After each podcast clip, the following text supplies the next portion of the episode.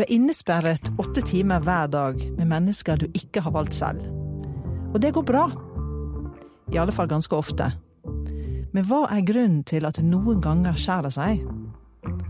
Hvordan kan kjappe, utålmodige Kim samarbeide med grundige og ettertenksomme Sara? Vi heter Lisa Wade og Rolf Moen, og vi blir aldri overraska over hva som rører seg på jobben.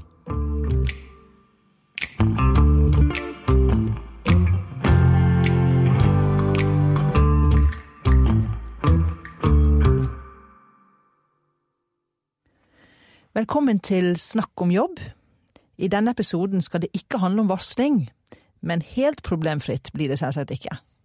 For i dag så skal vi snakke om utfordringene ved å arbeide sammen med mennesker vi kanskje ikke har eh, så mye til felles med. For det er jo sånn at vi faktisk får betalt for å henge med personer vi ikke nødvendigvis liker, eller skjønner hvordan er skrudd sammen. Nå syns jeg du høres litt negativt ut. Hva er egentlig problemet?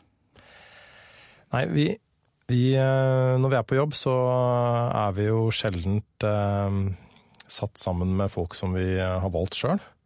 Noen ganger så er vi kanskje heldige og har laget vårt eget team og sånn, men også da så dukker det opp eh, forskjelligheter mellom oss.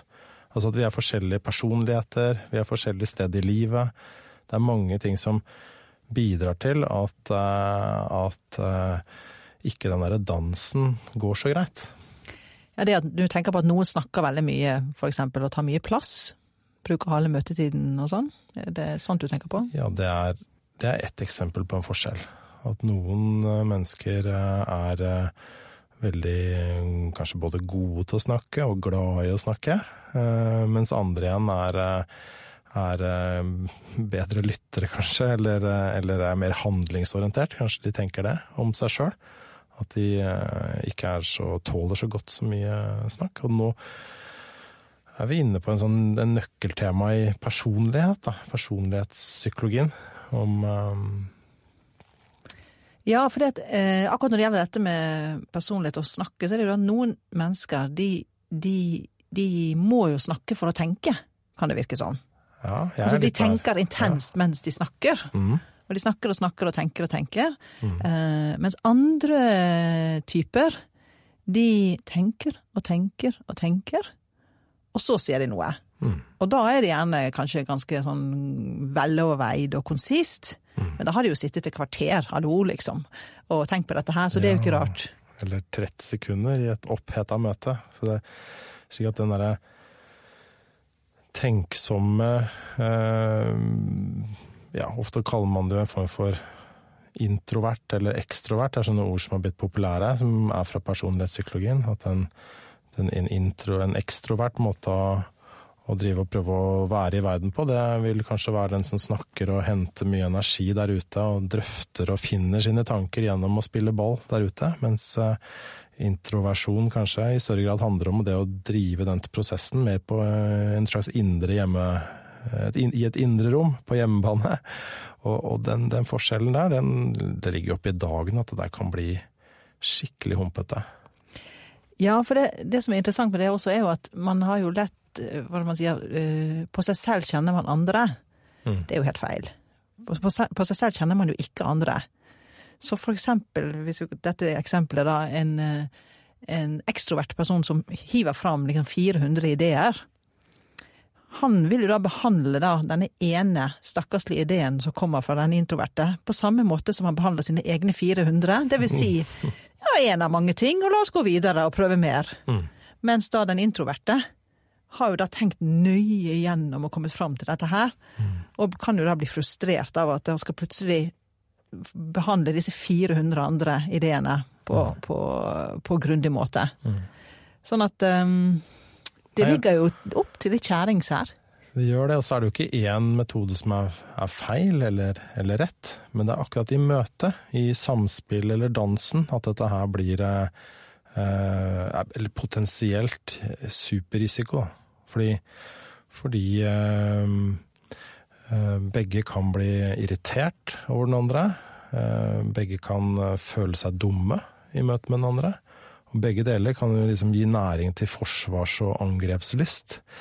Eh, og behov for å ta den andre og forsvare seg sjøl. Så forskjeller vil ofte gjøre at man istedenfor å bli nysgjerrig eller interessert i den andre, så vil man heller gå i forsvar og angripe den andre. Mm. Man insisterer insistere på sin egen modell, at det er den sunne, den logiske, den mest nærliggende. Det siste er i hvert fall riktig, da. At, uh, at man spiller på det man har, og dermed så blir det dårlig musikk. Ja, for Her snakket vi om liksom at man kan ha ulik stil da, i kraft av hvilken personlighet man har. Og det du sier nå også at man kan faktisk ha ulike meninger, ulike oppfatninger om et eller annet. Det kan komme fram der. Var det det du mente? Nei, jeg tenkte ikke Jeg, tenkte, jeg kan av og til, når jeg hører på ledermøter, f.eks., som jeg gjør ganske mye i mitt uh, virke som organisasjonspsykolog, så kan jeg høre to stykker egentlig være veldig enig med mitt øre, som sitter og slapper av ved siden av og noterer meg det som skjer. Mens inni sjølve ledermøtet så kan to stykker som har en som har en veldig ekstrovert stil, og en annen som har en mer introvert stil, de kan snakke om det samme og føle at den andre ikke snakker om det, det den snakker om. Slik at de kan også være forbløffende enige, men fordi stilen og rytmen er forskjellig, så, så kommer de liksom ikke i tur med hverandre. Jeg skjønner. Mm. Men jeg har gått på kurs, jeg, når det gjelder det å være uenig. Jaha. Var det et fint kurs? Ja. ja, det var interessant. Det var at hvis det var noen som var veldig uenig med deg, da, mm. det du da skal gjøre, er at istedenfor å bli litt defensiv og gå til motangrep, som er liksom det naturlige, så skal man si så interessant. Fortell meg mer. Ja. Fordi at utgangspunktet er at de fleste mennesker da handler rasjonelt innenfor sitt verdensbilde. Og hvis man da klarer å finne de bakenforliggende grunnene for at han eller hun mener det de gjør, så er det større mulighet for å oppnå konsensus. Jeg syns det der er et uh, kanonkurs, eller et kanonbudskap, uh, som, som glipper så innmari fort. Så akkurat det kjernetemaet der, med at du ikke kjenner andre på deg selv. Selvfølgelig noen kan sikkert ha en veldig veldig velutvikla empati, og har øvd masse på forskjellighetshåndtering. Du finner de også, noen som er helt i øverste liga her, som er rågode på det. Sånn at man har denne enorme innlevelsesevnen. Men de aller fleste av oss må bare kjenner at det gjør liksom vondt, eller at det er ubehagelig å henge med Per eller Kari, eh, og så går man rett i forsvar. Og så begynner man fort å baksnakke Per og Kari, eh, og begynner å lage en karikatur av dem. Eh, så det er også en sånn, litt sånn kjip ting da, som skjer på arbeidsplasser, som skjer egentlig overalt. At man driver sånn og, og, og, og gjennom at man blir litt støtt av den andres stil. Eh, så får man også veldig behov for å fortegne og, og karikere og, gjøre, og vreng, lage et vrengebilde av den andre. Vi... Litt humor må jo være lov, Rolf? Ja, det Vi er tross alt åtte timer på jobben, altså. Ja, vi må jo få lov å le litt av hverandre. Mm, jo da. Men vips, så det, har vi en varslingssak i fanget. Det skal vi ikke snakke om i dag, men vi skal, vi skal eh, snakke litt mer om hvilke forskjeller er det egentlig. For jeg tenker dette på arbeidsstil også. når vi snakket om ekstrovert, men arbeidsstil. Mm. Hva tenker du på da? Med Nei, jeg tenker f.eks. På, på at noen er jo er veldig strukturerte i sin ja. stil. Mm. Uh, mens andre har en mer fleksibel uh, tilnærming til en uh, prosess. Kan eksempel, jeg kan gi et eksempel på det. For mange år siden så jobbet jeg med en, en kollega som jeg ikke hadde arbeidet med før. Og vi skulle løse et problem. Og hun ville relativt fort bestemme seg for løsningen, og så sette opp en plan for videre arbeid, da, mål og delmål. Og det ble jeg veldig stresset av, fordi at eh, jeg syntes det var altfor raskt å bestemme meg så fort. Jeg ville liksom surre litt rundt og prøve ut en mulighet og en mulighet mm. og sånne ting, før, eh, før vi da skulle liksom produsere det vi skulle gjøre. Mm. Så det endte med at hun ble veldig irritert på meg, for hun syntes jeg ikke arbeidet. Eh, og jeg ble veldig irritert på henne, fordi at jeg syns at eh, hun presset meg inn i et fengsel, egentlig, da, på å ta avgjørelser på for dårlig grunnlag. Eh, og vi kom i mål, og vi lærte mye av det begge to. Så bra. Ja, ja. Altså, jeg skjønte at det var viktig å faktisk vise til at jeg gjorde noe, ikke bare surret rundt. Og hun ga meg litt mer slekk for å holde mulighetene åpne da, for hvordan vi skulle jobbe. Ja, jeg tenker det er en klassisk forskjellighetshåndtering i arbeidslivet.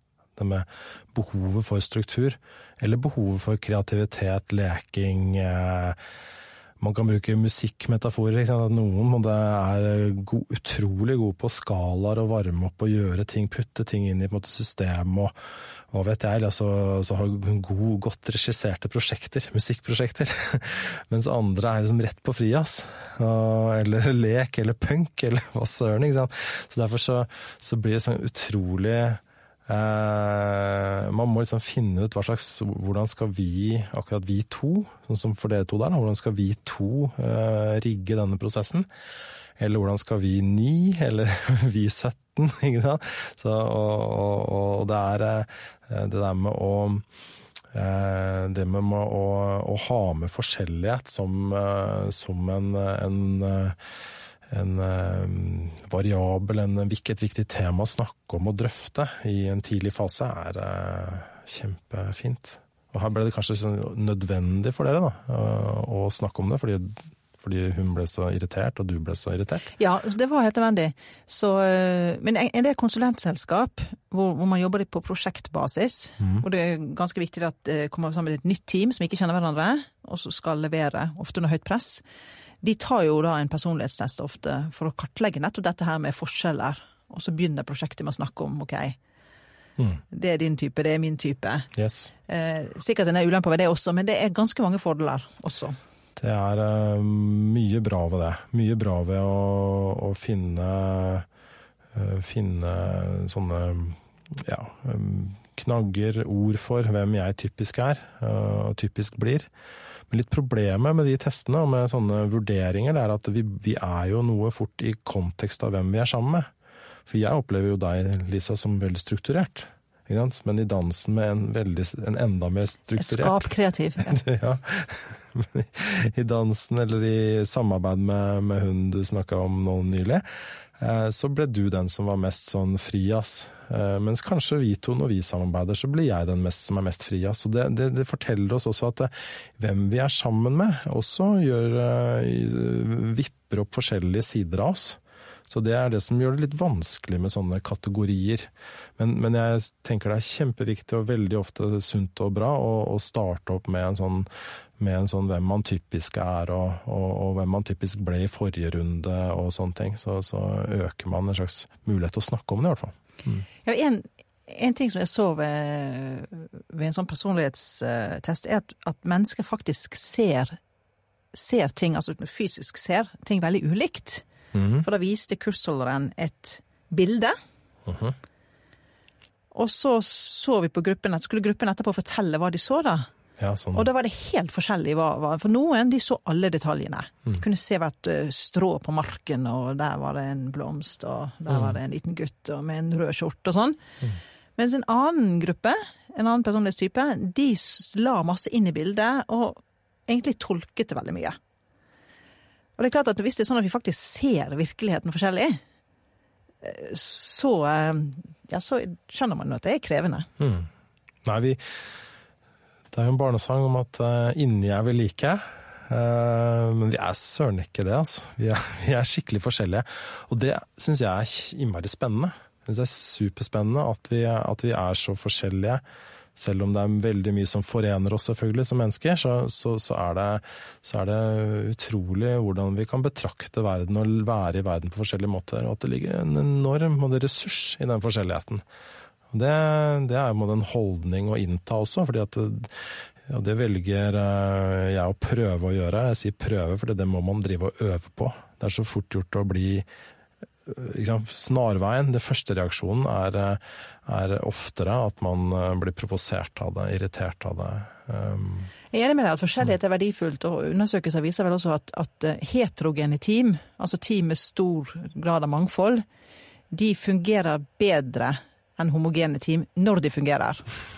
Jeg tror det er veldig Så de Enten fungerer de veldig godt der, ja. eller veldig dårlig. Mm. Det er sånn enten veldig godt eller veldig dårlig, mens homogene team er med på det jevne. Mm.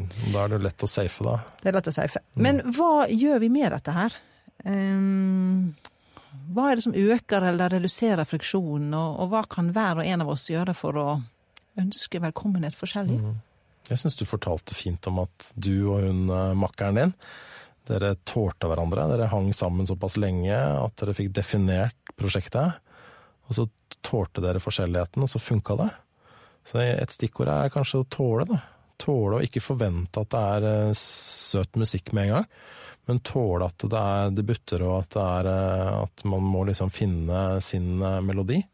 Mm, nå ble det veldig musikkmetaforisk her, men det var det som sto høyest. Litt lyrisk. Litt lyrisk, ja. Altså det, det, jeg tenker er at jeg syns jo for det første at vi skulle være mer selvopptatt. Altså finne ja. ut hvordan vi selv er skrudd sammen. For det er noe mm. med at man må bli litt kjent med seg selv for å kunne forstå hvordan andre er. Mm, så det, det som er et viktig budskap, ja. Det er viktig. Mm. Og så tenker jeg også at man må, må, man må også være ganske interessert i kollegaene sine. Hvordan de, eller kundene, hvordan de er skrudd sammen. Jeg tenker hvis du, hvis du kjøper deg en ny bil eller en eh, elsykkel. Mm. Og sånn som jeg, jeg kjøpte meg en ny komfyr for noen år siden. Da er jeg ganske opptatt av å skjønne den komfyren. Altså, det var ikke hvilken som helst komfyr. Og jeg ville lære meg alt mm. om den komfyren, øh, inkludert pyrolyse. Som betyr en selvrensende på 400 grader. Det kan jeg. Nyttig. Men når det gjelder kollegaer, så er man ikke så interessert i å finne ut hva er det som gjør dem oppglødd, hva er det som gjør dem irritert, hva de absolutt ikke tåler. Altså, mm. Kanskje skulle vi vært litt mer interessert for å få mer ut av hverandre? Det er en nydelig tanke, ja. Og, men, men, ikke en selvfølge. Fordi at Som vi har snakket om i en annen episode, så kan man jo fort gå lei folk.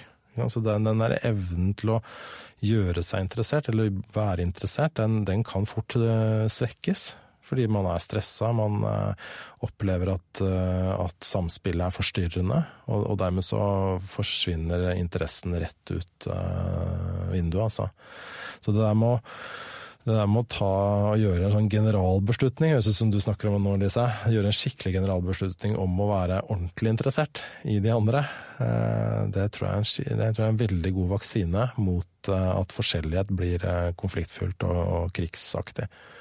Så det å tenke at det Også det å tenke at det ikke er lett. Men at det her må jeg jobbe med fordi jeg, fordi jeg kan gå i forsvar, fordi jeg lett vil angripe, angripe andre. Ja, men Det handler jo om å investere litt tid. Det gjør det.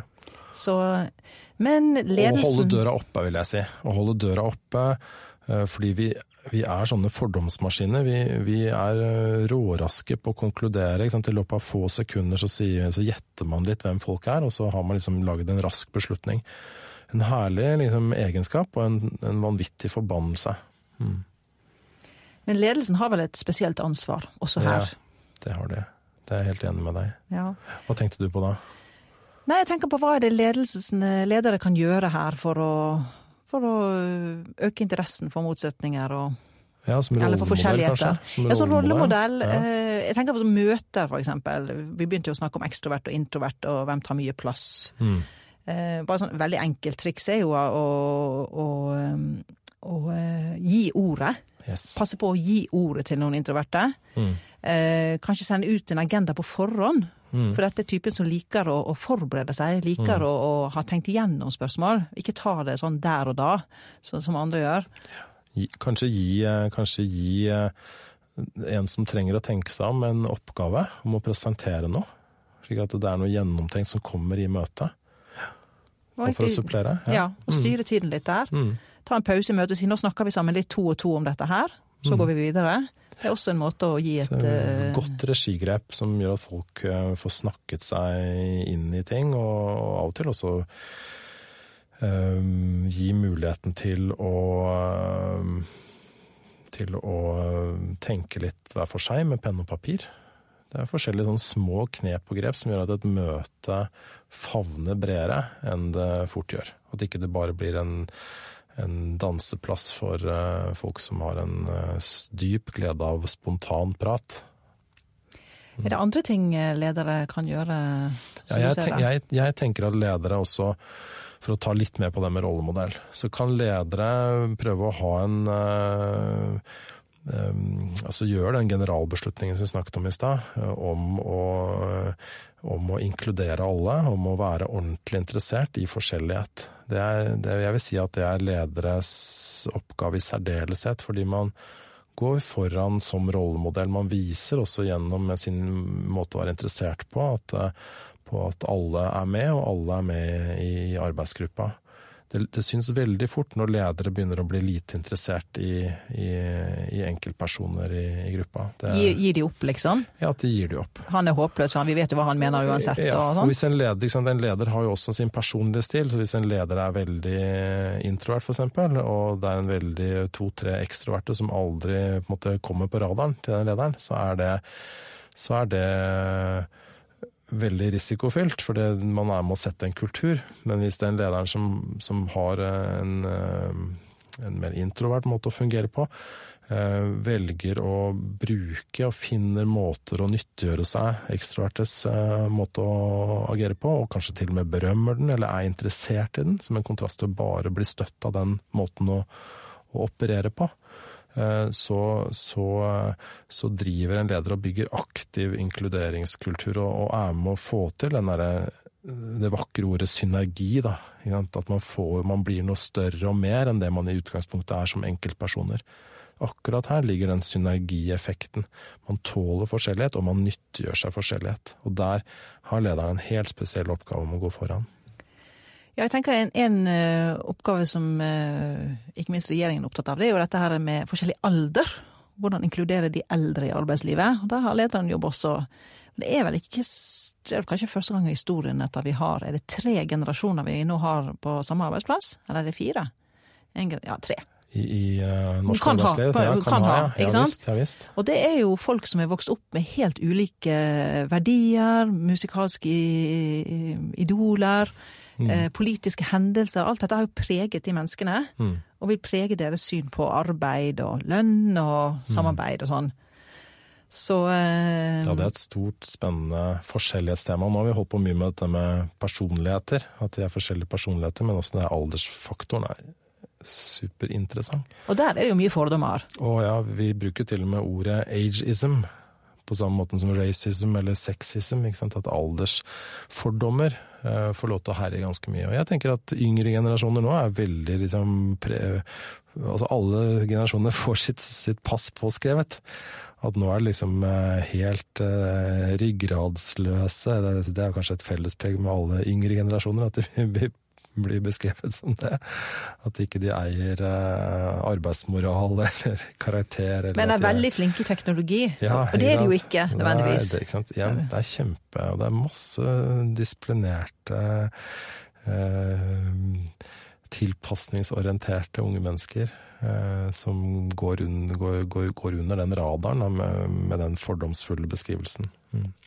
Så vi driver og lager sånne kategorier. altså og særlig, jeg vil slå et slag for eh, eldre, da. Eh, I og med at jeg holder på å skli inn i, det... i den kategorien sjøl. Men det er veldig mye som viser, at, eh, som viser at det å bli eldre, så blir du ikke akkurat kjappere med åra. Så jeg som er litt treig i utgangspunktet, har jo noe, har en utfordring der. Men, men når vi blir eldre, så blir vi på gruppenivå også klokere. Vi resonnerer sterkere. Vi har med oss en stor, eh, stor eh, erfaringsbase som, eh, som, jeg, hvis jeg skal spå litt inn i framtida, tenker at blir en sånn superressurs. Noe som også folk må jobbe lenger. Jeg ønsker meg flere begeistrede eldre. Mm. For det Er det ikke det? Nei, jeg syns nok uh, ofte at um, men dette kan hende at det er en fordom, da. Men dette mhm. med synet på, på utvikling og endring ja, nei, klart den, den, eh, den, eh, Men det er kanskje naturlig også. Man har sett veldig mye. Tenk på bare noen som har jobbet i bank da, i 40 år. De har vært gjennom ganske mye. Mm. Fra, jo da, jeg følger deg, Lise. Og da, da, da, og da, tenker jeg også det kan kanskje være litt krevende da, å vise en, en, mm. en begeistret tilnærming til nye kollegaer. Hvordan er han eller hun skrudd sammen, mm. eller et nytt prosjekt. Det er akkurat det som kanskje mm. Når man som eldre arbeidstaker eh, virkelig skal ta jobben sin på alvor, så er det kanskje den derre iveren etter å ja, la seg begeistre, være nysgjerrig på de unge og sånn. Og det er jo mange eldre som virkelig får til det. Og, og, og, men at det er noe du, noe du bør være litt ekstra opp obs på, da, at ikke du trekker det derre kortet med, med, at du har sett, eh, sett folk før. Du har sett, eh, du har sett, alt sammen før. Det er ja. en veldig drepende måte å være på jobb på. Prøv det før. Sett det før. Mm. Det var det vi rakk i denne episoden av Snakk om jobb. Vi heter Lisa Wade og Rolf Moen. Inntil vi høres igjen, ønsker vi deg en produktiv arbeidsuke hvor du legger godviljen til og har i bakhodet du er kanskje ikke så lett, du heller.